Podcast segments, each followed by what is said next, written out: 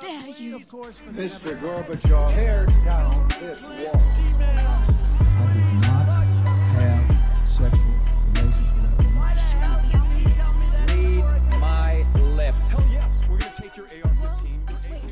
Ja, De aller fleste politiske debatter går vel under radaren for eh, mange av oss, men i løpet av denne vinteren så har høye strømpriser ført til en kraftig politisk debatt, eh, Facebook-grupper mot høye strømpriser og ikke minst demonstrasjoner. Da er det egentlig bare én ting å gjøre, det er å grave dypere i materien for å finne ut eh, hvorfor det er slik, om prisene vil holde seg høye, om det kanskje finnes noe alternativ til dagens system. For å hjelpe oss med, med det, så har vi rett og slett outsourca litt, eh, Harald. Og vi har fått besøk av eh, Katinka Bogård. Hun er bl.a. senior markedsanalytiker ved Volue Insight og har en utdanning i industriell økonomi og teknologiledelse ved NTNU, med noe som høres veldig kult ut. Eh, fordypning i empirisk finans, det er jeg litt spent på å høre på om hva er. Og elkraft. Eh, og har siden 2017 jobbet med kraftmarkedsanalyse. Eh, velkommen til podkasten, Katinka. Takk for det. Det er mye å ta tak i her. Først eh, et lite sånn enkelt spørsmål for meg. Er, så, så strøm er vanskelig. Er det vanskelig? Ja, altså, jeg vil jo si at det ligger eh, veldig mye kompleksitet bak den stikkontakten som alle i hele verden, å si, Norge, har et forhold til. Da. Så veldig komplekst. Det er veldig mange ulike markeder å, å følge med på på ulike horisonter. Man har jo et marked som eh, sitter og ser bare fem minutter ut, at du skal eh, balansere strømmen, og så er det alt ut til 20 år. Så det er jo virkelig mye å ta tak i og mye å holde styr på. Så helt klart komplekst. Ja, For du jobber jo med å hva skal vi si, overvåke inn i markedet her. Du, du styrer vel også en gjeng med analytikere. Um, hvordan, er den, hvordan er den hverdagen? Ja, det er jo hektisk. Er jo, vi er jo åtte stykker som sitter på kortsiktig prisanalyse.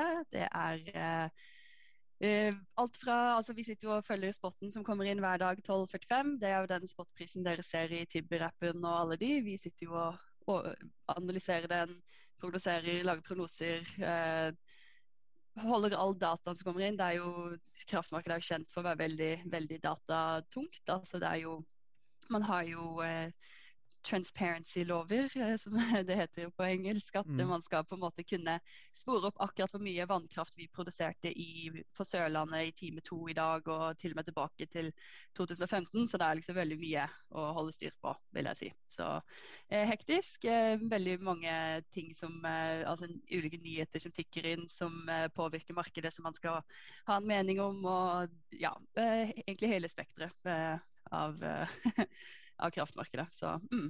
Det hørtes jo det hørtes, hørtes jo eh, fryktelig eh, altså, eh, komplisert ut. Så det, er altså, det, det blir altså store, mengd, store mengder data som det må håndteres.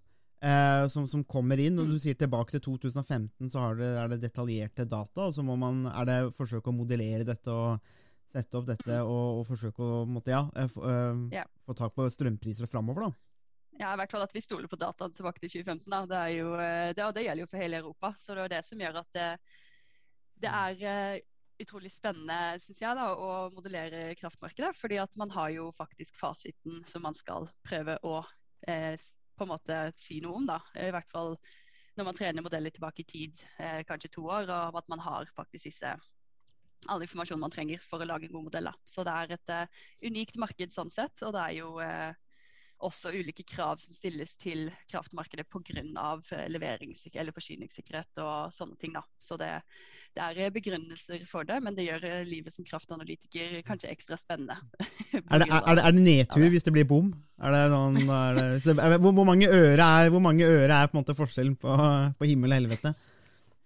Altså Det kommer litt an på, da, fordi det er jo noe som heter det er jo, Kanskje komme litt tilbake til det senere, men det er jo det fysiske kraftmarkedet. Det er jo spotten. Og så er det jo disse eh, aktørene i kraftmarkedet, gjerne de som eier eh, enten eh, produksjon eller eh, sitter på storkunde, altså f- forbruk, forbrukersida, som eh, også skal på en måte prøve å hedge posisjonen sin. da, Så de kan jo gjerne være veldig interessert i om vi treffer eller bommer, da, fordi at de kan jo kanskje eh, Om de stoler på analysene våre, så legger de inn Eller så handler de på det. Og da Eh, kan det jo Altså, det har jo vært veldig vanskelig i høst, f.eks. Det har jo vært eh, lett å bomme.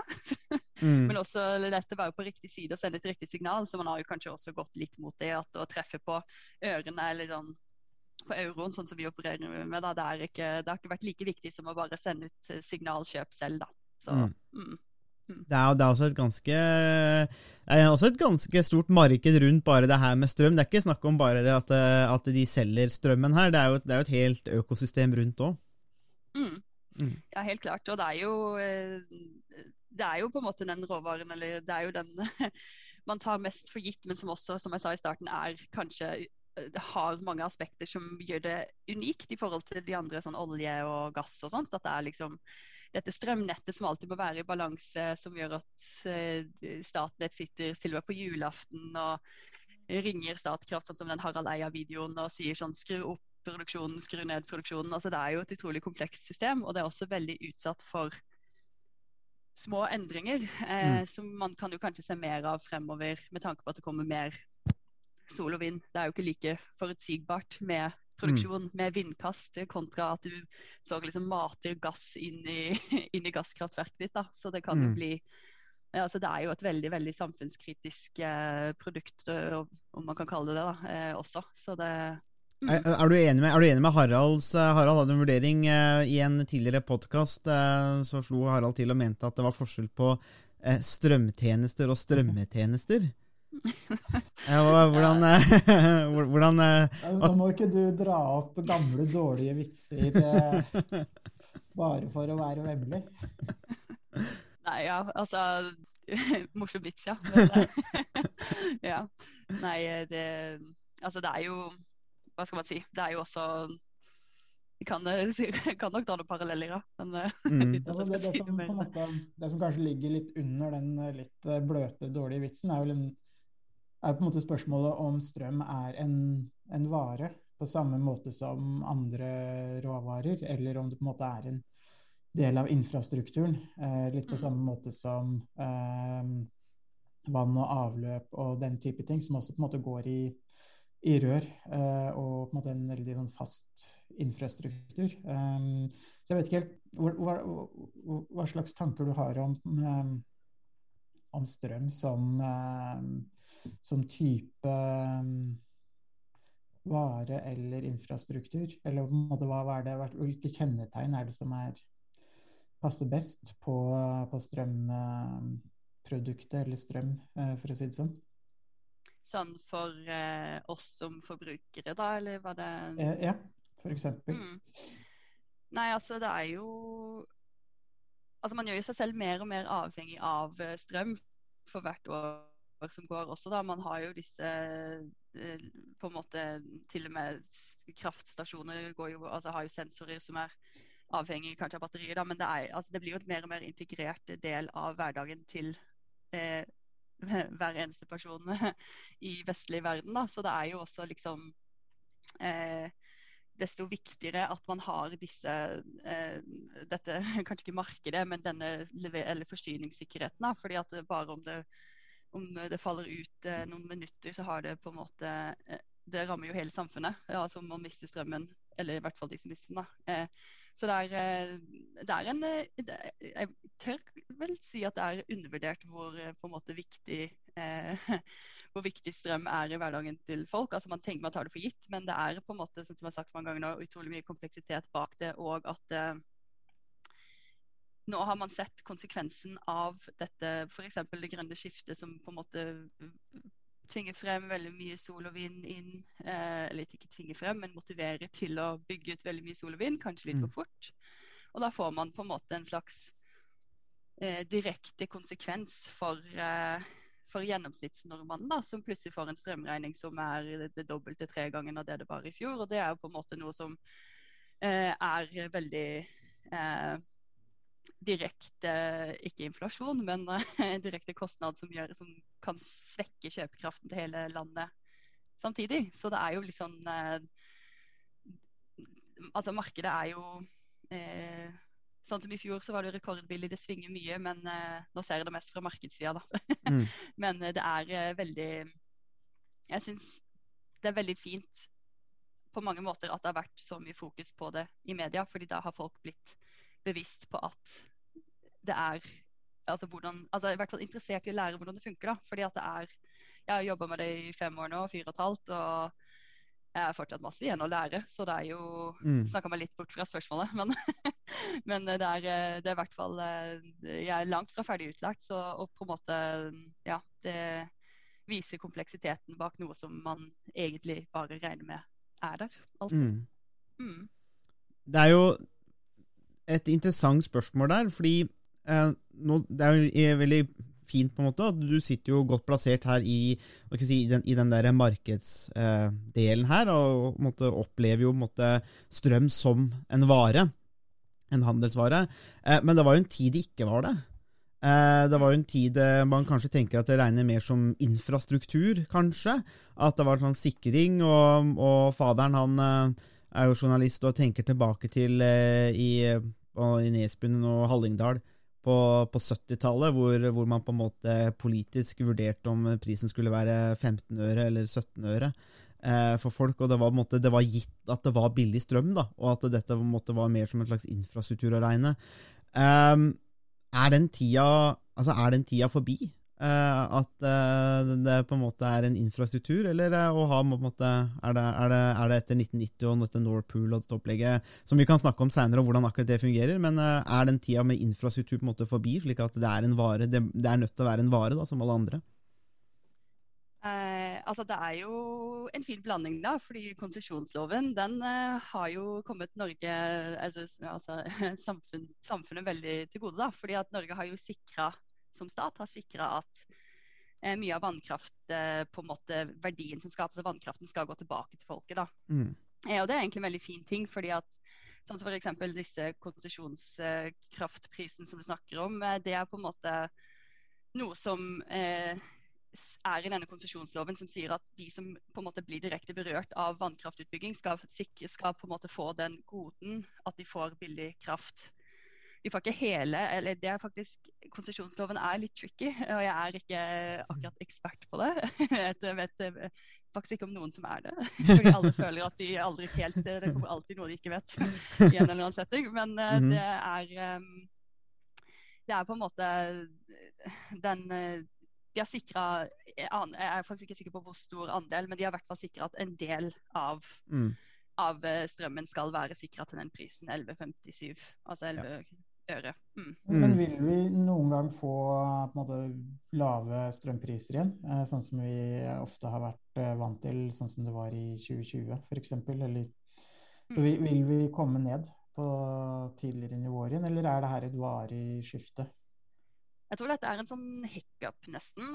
At det er litt sånn, eh, sånn som Statnett har jo en veldig fin rapport, eh, hvis eh, folk er ekstra interessert. Mm. Så kan de lese om pris, langtidsrapporten til stat, Statnett. Den er vel ute i 2030. Og da på en måte, når man ser utover der, så, eller ut mot på den horisonten, så ser man at de neste årene nå blir turbulente.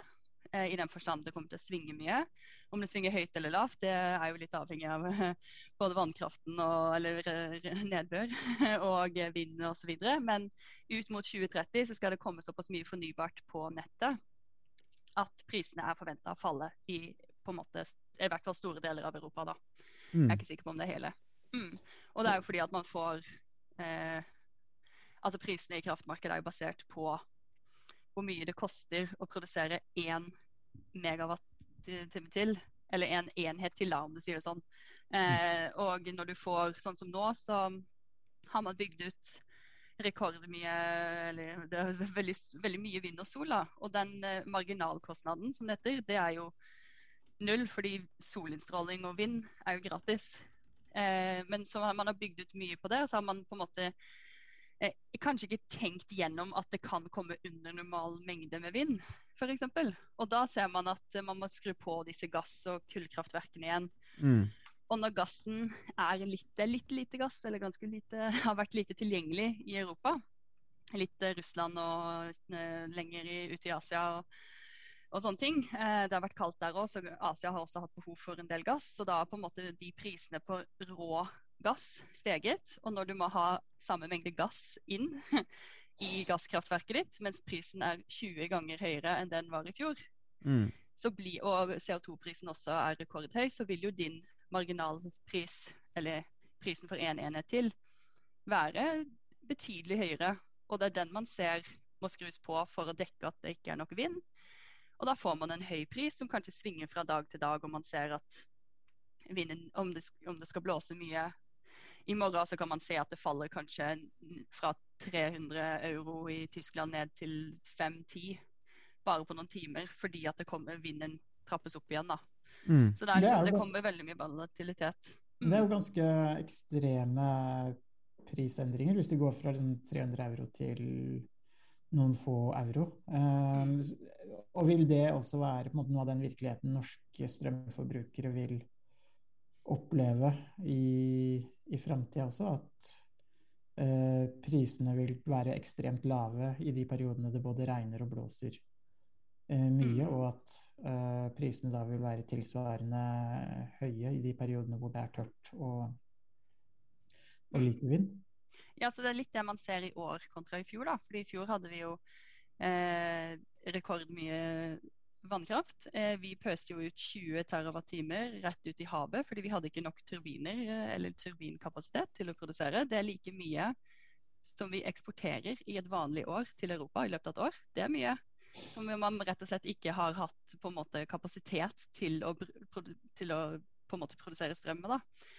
Eh, Så det svinger, og det er det som man ser veldig tydelig i år. da, Fra i fjor til i år. Det er nesten litt vondt at det måtte være så to ekstreme år oppå hverandre. fordi at det blir jo så tydelig for privatforbrukeren da, at det går fra Mm. nesten ingenting i strømregning til 8000 hvis du har en stor bolig. Altså det er jo eh, veldig ekstremt. Mm. Så hadde man kanskje kommet også fra et år hvor eh, kontinentaleuropa, altså Danmark, Tyskland og alle de områdene som ikke er drevet av vannkraft, da, om de ikke hadde hatt disse høye gassprisene, så hadde Norge egentlig hatt Så hadde sluttforbrukeren kanskje nesten ikke merka at det var særlig lite vann i Norge eller i reservoarene.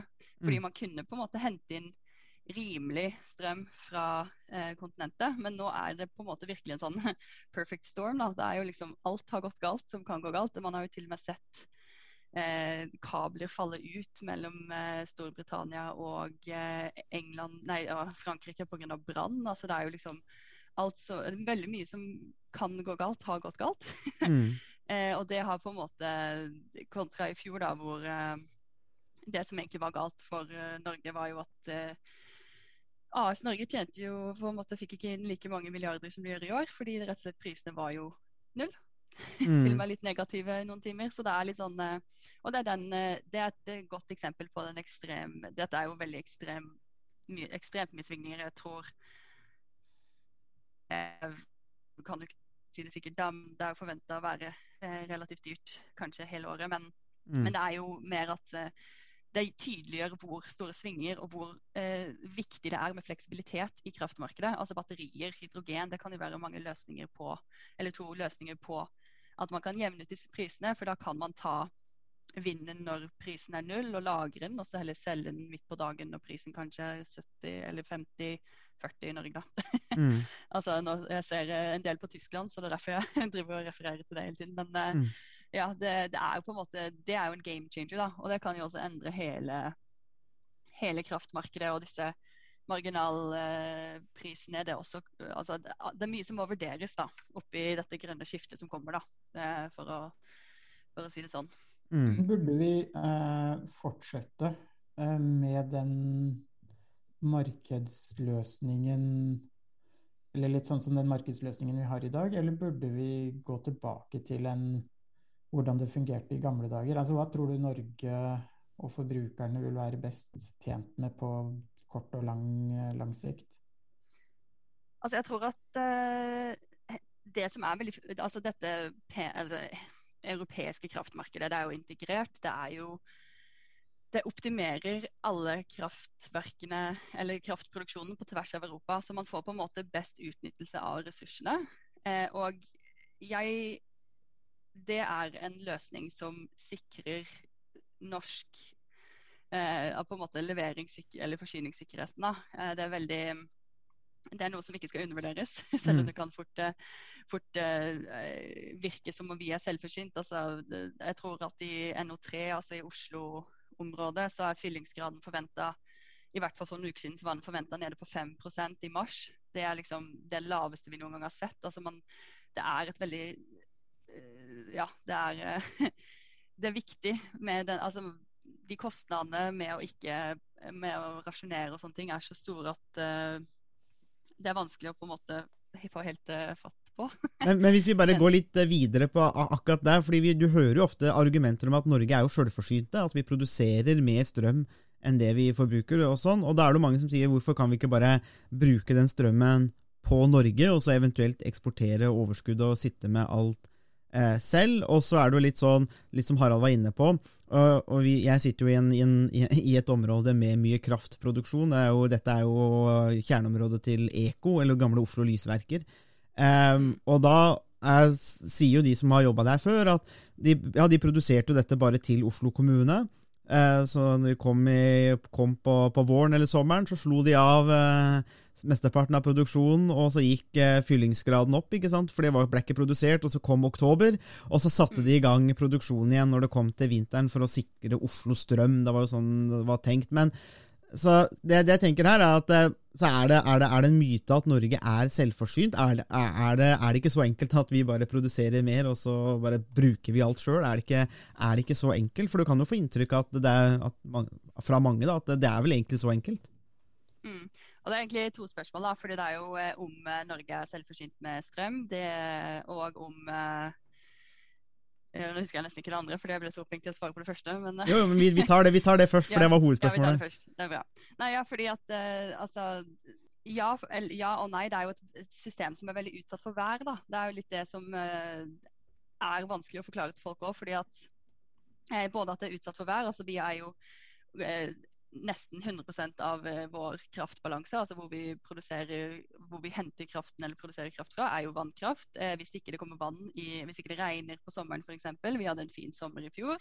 Mm. Det får man kanskje litt, eh, litt høye strømpriser av i høst, for å si det enkelt. Altså, det er jo, hvis det ikke regner på fjellet, så får vi ikke inn vann i reservoaret. Og da er vi på en måte veldig utsatt for, em, for å, å få enten veldig, veldig høye priser, eller rett og slett ikke nok eh, vannkraft eh, for å dekke hele norske forbruket. Og det er jo også litt avhengig av altså Det er jo en veldig ekstrem situasjon, men, eh, og det er jo også litt avhengig av når man ser. fordi nå skal jo Norge bygge ut eh, altså Når man ser ut mot 2030, kanskje, da, så ser man at Norge har jo hatt historisk sett et veldig stort kraftoverskudd.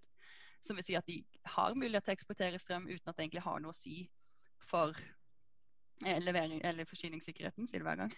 Mm. Eh, og samtidig som man eh, eh, har da fått eh, f.eks. batterifabrikken i Arendal har jo kommet inn eller den Morrow Battery, som Agder Energi er, spons eller er hovedeier, eller noe sånt, i, de har jo lagt produksjonen sin eller industri her på Sørlandet fordi man har hatt billig strøm. Men jo flere sånne prosjekter man får, til og med sånn Google har jo, ikke i Norge, men i Sverige, en sånn datasenter hvor de bare holder masse eh, på en måte, eller sånn eh, servere. Mm. Og det spiser jo opp, det øker jo forbruket, som spiser opp dette kraftoverskuddet. Så det er jo litt sånn eh, Norge har, er selvforsynt med strøm, det er de, men det overskuddet fremover blir spist opp mer og mer av eh, industri, f.eks. Som er jo eh, fordeler Altså, det er jo ikke negativt, det. Nei, nei. Men eh, det gjør jo at man kanskje eh, har eh, At det kan være fint å kunne hente inn eh, Eller positivt at man kan kunne importere strøm fra Tyskland og eh, Storbritannia, Nederland når det blåser mye på kontinentet, og når det ikke er helt sinnssyke gasspriser. Mm. Så kan det være på en måte en, måte Eller en, ja, en, en måte å sikre at det ikke går i minus, da. Selv om det er en stund til. da. Det, men det tar jo tid å bygge ut kabler, og det er jo eh, en enormt stor investering. Så det er Mm. jo også noe som skal tas med. Mm. Men eh, det du sier er egentlig at vi i utgangspunktet produserer mer kraft enn det vi bruker i Norge, men at vi i noen perioder eh, kan ha eh, problemer med å måte dekke all etterspørselen i Norge med egen, egenprodusert eh, strøm, fordi eh, det kan være vær og forbruk som ikke ikke matcher.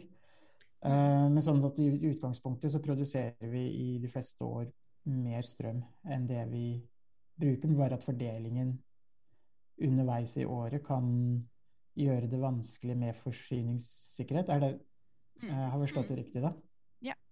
Og det som ofte er brukt som et eksempel i, hos oss, er jo at eh, du kan jo tenke deg en kald februardag. Eh, det er helt vindstille, strålende sol, minus åtte ute. Altså, har Norge nok Altså det er forskjell på kapasitet og effekt, da. Har de nok til Altså har de De kan jo ha Altså ikke Altså de ikke klarer å produsere nok, fordi de, har- selv om de har masse vann i, i reservoaret, så har de fortsatt bare den begrensningen med turbinen som klarer å ta inn så og så stor vann, vannføring. ikke sant? Så hvis man på en måte får et ekstremt høyt forbruk, sånn som vi så i fjor, i februar, så var det jo rekordhøyt Mm. noen dager. Og da på en måte kan man jo det er jo Vi har jo nok, men det er ikke sånn eh, Det er ikke sånn eh, veldig overskudd, på en måte. Det, og det er, eh, det er også noe som er litt vanskelig å forklare. da, fordi at Man tenker jo at reservoarene er jo fulle, da, har vi, eh, da er det jo på en måte, da er vi safe. Men samtidig så er det sånn hvis forbruket er eksepsjonelt høyt, da, Mm. og vi ikke har nok turbinkapasitet til jeg, jeg, har, jeg tror ikke vi har Det har skjedd, men vi har kjørt på maks, eh, i hvert fall så maks som det vi regner som maks, som er kanskje liksom 80 da. Det har skjedd eh, 80 ja, om ikke mer. Jeg er Mm. ikke helt sikker på akkurat de tallene, men eh, det er, det er et tema at eh, man må være sikker på at man skiller på de to, da. I hvert Mm. fall i kraftsektoren, at man husker på at det er stor forskjell. Ja, Det er kanskje litt for enkelt. altså det, det er noen ganger når man tenker seg overskudd, eh, produksjon, ikke sant? men som du sier, og det er kanskje forskjell på det å ha lagring eller sitte på eh, vann, og det, dette med effekten, da, eh, som kanskje gjør at det er på en måte litt mer komplisert enn som så. Dette med samkjøring kan vi kanskje si òg, at dette med samkjøring av kraftverk er jo også et relativt Det er mye eldre enn Nord Nordpool òg, vi går i hvert fall tilbake til 70-tallet, eh, med tanke på dette samkjøringstanken om at det skal sikre på en måte eh, forsyningen, da. Eh, Så dette er jo ikke noe man bare fant på eh, en gang i 1990 heller, og skulle ha dette Nordpool-opplegget. Men eh, eh, Så det, det er jo det, dette å trekke på hverandre her er jo en ganske gammel eh, Eller en mye eldre tanke, men jeg tenker det er jo så interessant, det er jo så mye å snakke om, men vi får eh, rulle litt videre til dette med som, som kanskje forbrukerne tenker litt på, hvis vi bare kan ta det helt fort. måte, Hvorfor? Fordi det er i hvert fall noe som jeg har sett ganske ofte, og det er det med hvordan altså, det, folk, det, det de aller fleste forstår, er hva man betaler eh, på strømregninga, hvor mye man betalte betalt for kilowattimen, f.eks. Eh, og så er, det, så er spørsmålet hvordan, hvordan kan det på en måte bli så dyrt? Eh, og så har jeg sett et gjerne et eksempel, Vi snakker litt om dette med konsesjonskraftsprisen. Eh, og Konsesjonskraften ligger rundt 11,57 øre. og eh, fra de jeg har eh, slik jeg har forstått det, da, eh, fra de jeg har snakka med i, eh, som har jobba med kraft, så, så, så regnes dette ofte som, måte som en pris som det koster å produsere strømmen. Så hvis strømmen da selges for én krone til meg for kilowatt-timen, hvor kommer egentlig dette påslaget? Altså, hvor, hvor, hvordan blir det så dyrt for sluttforbrukeren til slutt? For det er jo egentlig det folk flest tenker på. Så Hvis, det, hvis dette er prisen, hvor, hvor er gapet? Hva, hva, hva, er det, hva som skjer her egentlig? Hva er det som skjer fra produksjon til eh, salg og spotpris, da, som du også jobber mye med? er jo det vi har hørt Mm. veldig mye om da nå i den siste tida. Mm. Ja, det er det som eh, Jeg har egentlig eh, et ønske om at eh, NRK eller en eller annen sånn offentlig eh, statseid skal gå ut og lage en eh, liten dokumentar om eh, eh, strøm fra A til Å, fordi at det er så utrolig komplekst. Altså, jeg sitter jo bare og ser på produksjonskostnaden. Det er en bitte liten del av regningen sluttforbrukeren betaler. Mm. Og som du sier, det er jo ca. den konsesjonsprisen. Det varierer kanskje fra 3 øre til 12 øre per kilowattime. Det er mange ulike faktorer som spiller inn bare der. Så det kan jo være teknologi, altså turbin, hvor ny den er, avskrivninger, ulike ting. Og så har de jo da eh, Det som da blir litt komplisert, er jo tilbake til denne marginalpriskostnaden som jeg snakka om i stad, som produksjon for altså 3-12 øre for vannkraft. Men eh, kraftmarkedet er et helt standard tilbud-etterspørselsmarked. Så du skal alltid på en måte finne krysningspunktet mellom Norges forventa forbruk. Så f.eks. hvis vi tar et av prisområdene, da, vi tar eh, Sør-Norge. Så forbruket i Sør-Norge eh, kan være eh, 3000. f.eks.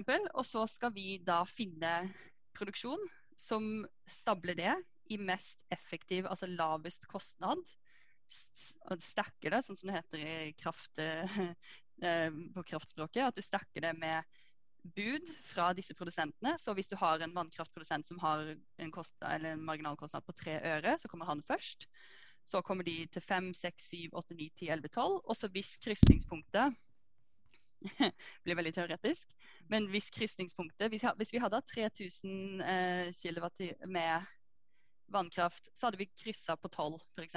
Siste, eh, siste produsent setter Mm. prisen.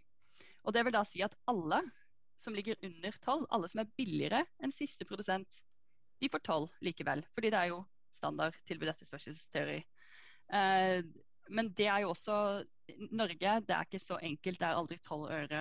Aldri, eller det er jo det når det blåser mye, men, Mm. eller kanskje. Men eh, sånn som det er i dag, så er det jo sånn at um, det er veldig ofte gass og kull som setter prisen. De har en mye, betydelig mye høyere eh, marginalkostnad enn vannkraftprodusenter. De har jo som jeg sa i stad, gass som skal på en måte direkte mates inn i disse eh, kraftverkene. Og så har de CO2. Og da med disse utenlandskablene så blir det jo et samspill mellom norsk, eh, norske produsenter og danske f.eks. Vi har kobla til Danmark. De blir anonyme, an, si det, så, anonyme bud. Mm, mm. Og så tar man de billigste, uavhengig av hvor det er um, hvor de befinner seg. Så vi vet ikke hvor vi får uh, strømmen vår fra som sluttforbruker, men i markedet, hvis en dansk vindmølle er billigere enn norsk vannkraft, så vil jo de bli prioritert til å produsere først. Og da kan jo vi få eh, da, Uten at vi vet noen ting, men det er alltid på en måte Så lenge det er Det ble veldig teoretisk, men, eh, eller veldig mye detaljer. men så lenge det er ledig kapasitet på disse utenlandskablene, så vil kraft alltid flyte fra lavprisområdet til høyprisområdet. Og Det er derfor Norge har eksportert, eksportert så mye nå. fordi at selv om vi har lite vann, så er det fortsatt eh, Vi har jo i desember noen dager ligget på sånn 100 euro per megawattime. Det er sånn vi opererer. Mm -hmm. og Tyskland har ligget på 400.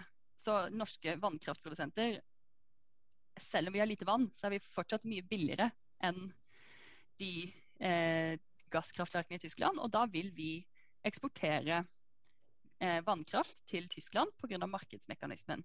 Mm. Det, er, det er derfor det ikke går an å skille på norsk, eh, sånn som du spurte om i stad. at Man kan ikke skille på norsk. Vi kan ikke forsyne Norge først, og så Mm. på en måte eksportere, fordi at markedet er satt opp til å alltid ta i bruk de billigste ressursene først, og så sende Og så på en måte Enten til man har nådd full Sånn som hvis Norge når full eksport, så er det åpenbart det er akkurat som et vannrør. Du har ikke mer plass på utenlandskabelen til å eksportere mer. Mm. Så da blir det på en måte Da er det en prisforskjell. Da vil Norge ligge på 100, og Tyskland eller Danmark vil f.eks. ligge på 400, fordi de må ta i bruk de dyrere gasskraftverkene for å dekke sitt eget forbruk.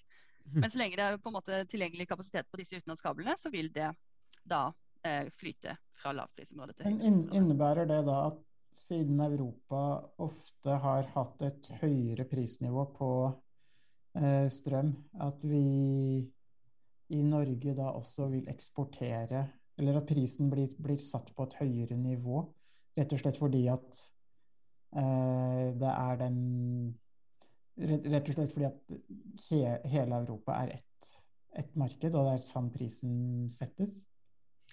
Ja, altså det er jo Og det er jo det som er altså, Jeg husker ikke hvor mange altså Heldigvis er jo norsk vannkraft statseid, da. Mm. For å si det sånn. Eh, Men eh, sånn at eh, det som også er litt interessant, er å se hvordan de fordeles tilbake til folket. Det etterlyser jeg.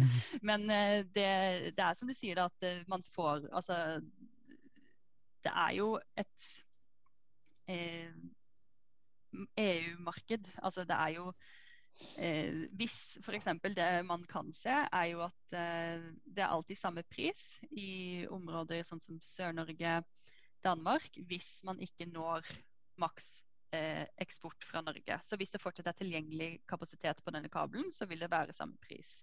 Det er på en måte en av de hoved... Eh, fordi da sier det seg selv at det krysser sammen, Eller sånn at eh, hadde man eh, hatt eh, Hadde det vært billigere kraft i Norge enn i Danmark, så hadde man sendt den ut til man Mm. hadde maks. ikke sant?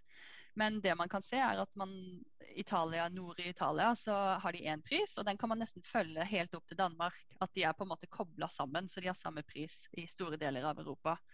Og det er jo eh, på mange måter, sånn som et år som i år, så er jo det på en måte kanskje et litt sånn vanskelig dilemma for norsk industri og for norske eh, sluttforbrukere, men det er samfunnsøkonomisk eh, for på en måte EU, da, om man kan si det sånn, for, Ja. eller si helhet, da, at eh, man er i dette integrerte kraftmarkedet. Men det er Så det er Samme pris. hele, hele Europa at det er samfunnsøkonomisk, sånn som det fungerer nå, ikke for på en måte enkelt, enkeltland i seg selv.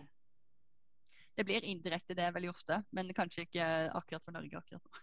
Eller det kommer an på hvordan du måler det, da. Det er det som er så som vi ikke skulle snakke om med politiske Ja. hvordan man ønsker å se det. Men eh, det er jo eh, mange innfallsvinkler, så det, og det man har eh, Men det som Altså, det er jo Det er Sånn som det er i dag, så fungerer det veldig på en måte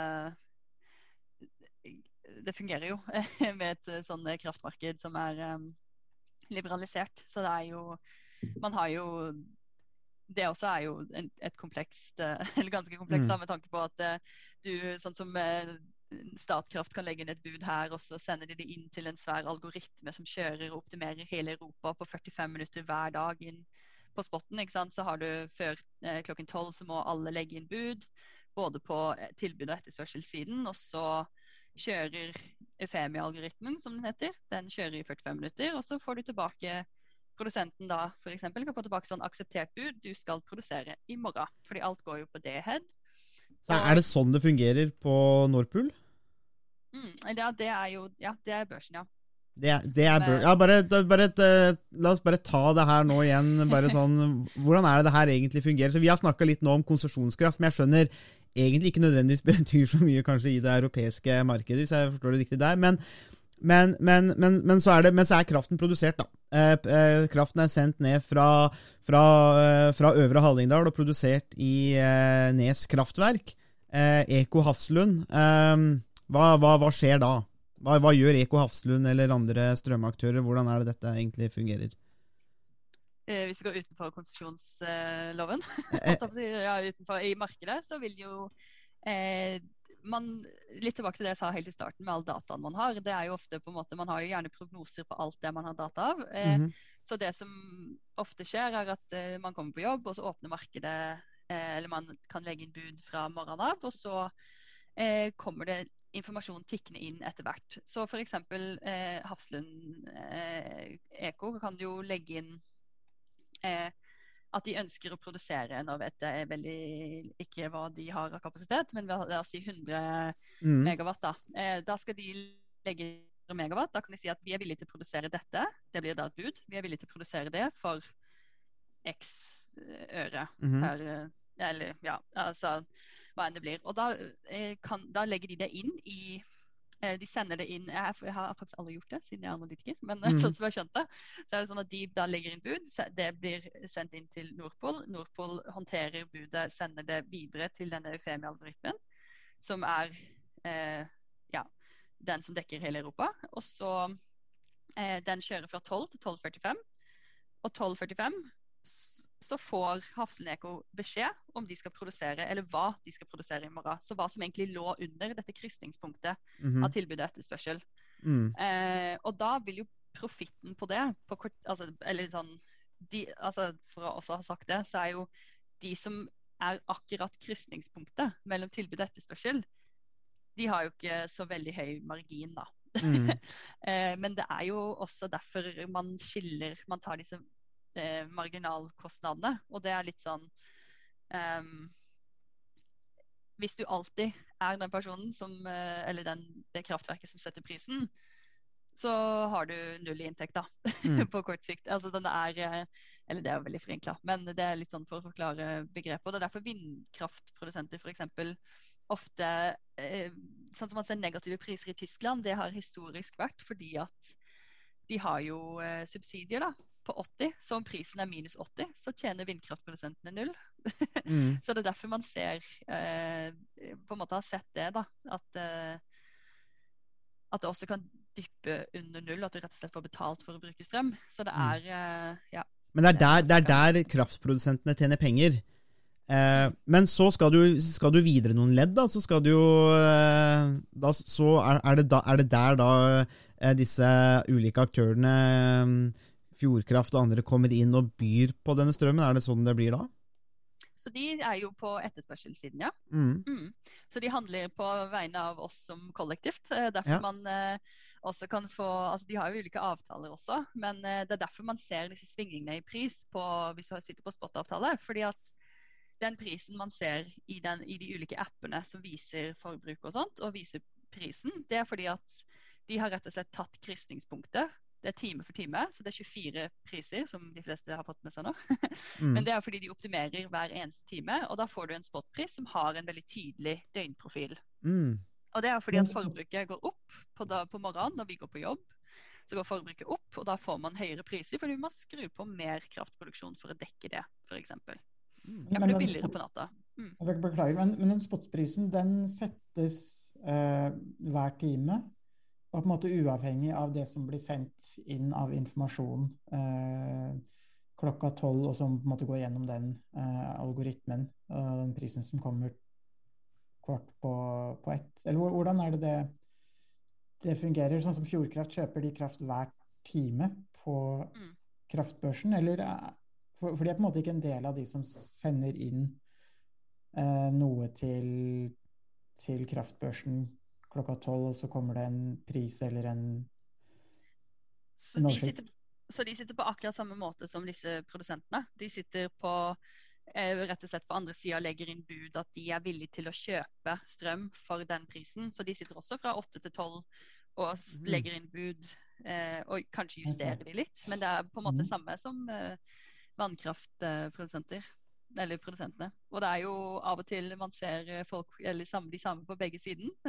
Mm. Eller begge sidene, mener jeg. Fordi at i hvert fall i Tyskland at man har eh, altså Kanskje i Norge òg at man har pumpekraft. At man vil spare på vannet sitt hvis eh, det er billig nok. At man vil bare pumpe det opp igjen. Så da kan man jo sitte og på en måte by inn sånn, da. Mm. Ikke at jeg har sett akkurat det som Eller jeg har ikke sett uh, direkte det i Norge, men sett det andre steder i Europa. Mm. Nei, det, er jo, det er jo endeløst fascinerende. Vi har drevet på en stund, så vi skal få, få lov til å slippe unna snart. Men det har vært eh, eh, veldig, mye, veldig mye god informasjon. Jeg tenker kanskje bare det helt, helt til slutt. Um, det, det, vi, det vi ser ofte, er jo dette spørsmålet hvorfor skal strømmen være dyrere i Sør-Norge eh, enn i Nord-Norge? Eh, og hvorfor, hvorfor skal det være sånn, og tror du at det kommer til å fortsette å være sånn? Ja, altså det er jo eh, eh, Vanskelig å forklare det òg, men eh, det er jo eh, Ja, du, Altså- altså, det er ikke lette spørsmål her å få. Altså, det er, eh, Nei, altså det er jo Jeg toucha så vidt inne på det i stad, men sånne prisområder i Norge, eller i hele Europa eh, For å prøve å ikke si det på den klønete måten, men jeg er ikke sikker på at jeg klarer det. Men eh, prisområder er jo på en måte mm, et område, sånn som jeg sa i stad, Sør-Norge er et prisområde. Og det er fordi at i det området, geografiske området, så kan kraften flyte fritt uten at man egentlig får noen kapasitetsoverføringsproblemer.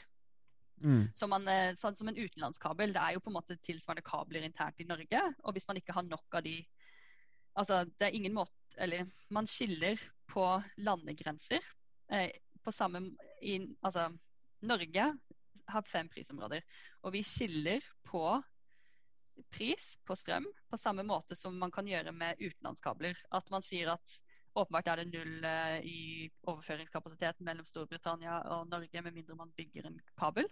mm, det sier seg selv. Mens Norge internt har jo på en måte kraftkabler imellom. Så man har fra nord til sør, man har fra øst til vest. Men det som er problemet, er at på Sørlandet, eller sør for Trøndelag, så er det jo ganske De fleste bor jo her nede, mm, først og fremst. Eh, så det er ganske høyt forbruk, og, eller relativt sett. Og i nord så er det veldig mye et veldig stort kraftoverskudd. Det er mye vindkraft. De har bygd ut veldig mye um, i forhold til forbruket, så de har et stort overskudd de kunne ha frakta til Sør-Norge hadde kapasiteten vært der.